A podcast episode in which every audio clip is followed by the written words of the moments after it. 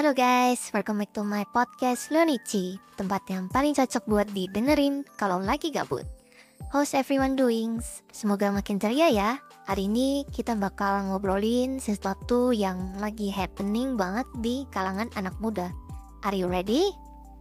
So guys, hari ini gue mau cerita tentang fenomena pay later yang lagi booming ya di kalangan anak muda. Trust me, ini bakal jadi eye opener buat kalian semua So, sit tight and let's dive in Spread the love and stay happy Make your coffee more cozy with Leonici Cici Jadi, gue pernah nih punya pengalaman pakai paylater Yang basically adalah layanan kredit instan Gue awalnya mikir, wow ini keren banget sih. Gue bisa beli apa aja tanpa harus bayar sekarang. But eh, here's the catch. Gue lupa kalau ini tetap aja tang yang harus dibayar.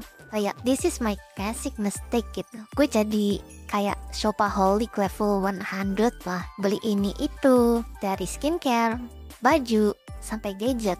It was like super intense banget. But the thing is, gue nggak pernah berani buat take the next stepnya which is membayar tagihannya guys. It was stuck in my own fantasy world lah. Gue jadi kayak Doraemon dengan kantong ajaib tapi tanpa anak bayar hutang. Dan it's worth, you know. Gue bahkan mulai mencari tanda-tanda kayak abang ini worth it?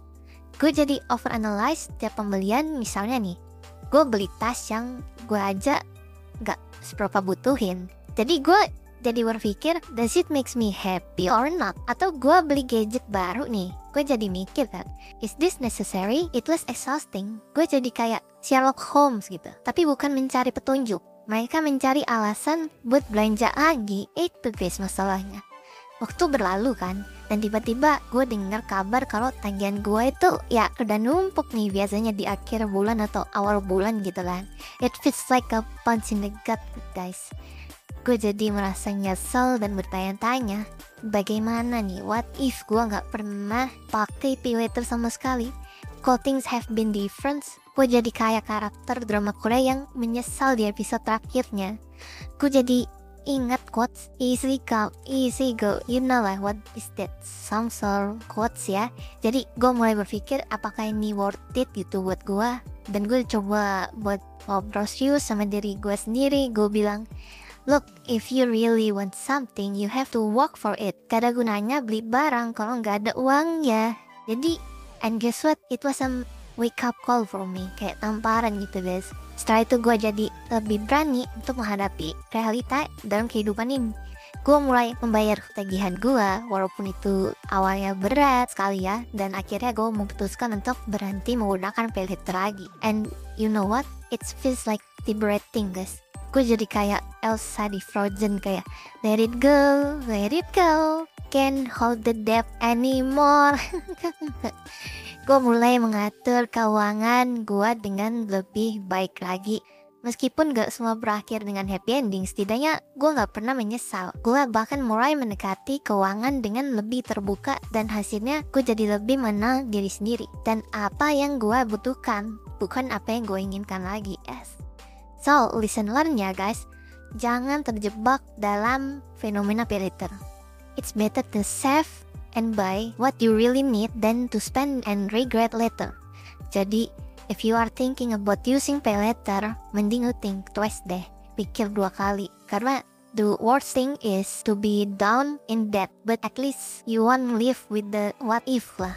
Nah, buat kalian yang pernah mengalami hal serupa, gue punya tipsnya nih. Pertama, be responsible. Tentu dong, harus tanggung jawab apa yang udah kalian ambil setiap keputusannya. Yang kedua, understand the financial limits. Tahu kebatasan-batasan finansial kalian. Kira-kira kalian cukupnya seberapa? Kira-kira kalian pendapatan seberapa? Ini seperti itulah guys. Dan yang ketiga, don't live with the regrets. Ya, pokoknya jangan menyesal karena itu sendiri ada perbuatan kalian kalau kalian tetap menyesal ya nantinya kalian akan menjadi ngedown dan stress dan itu not recommended lah. Yang keempat, it's better to save than to owe.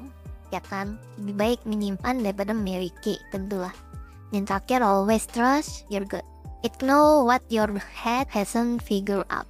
Oke guys, cukup deh curhatan hari ini. Kalau kalian punya pengalaman atau tips lain, yuk share di kolom komentar. Jangan lupa juga buat klik follow dan klik loncengnya, biar kalian gak ketinggalan update dari gue. Stay tune buat episode-episode selanjutnya, yang pastinya bakal lebih seru dan exciting. See you guys, semoga hari lebih ceria ya. Bye-bye, Leonici love you.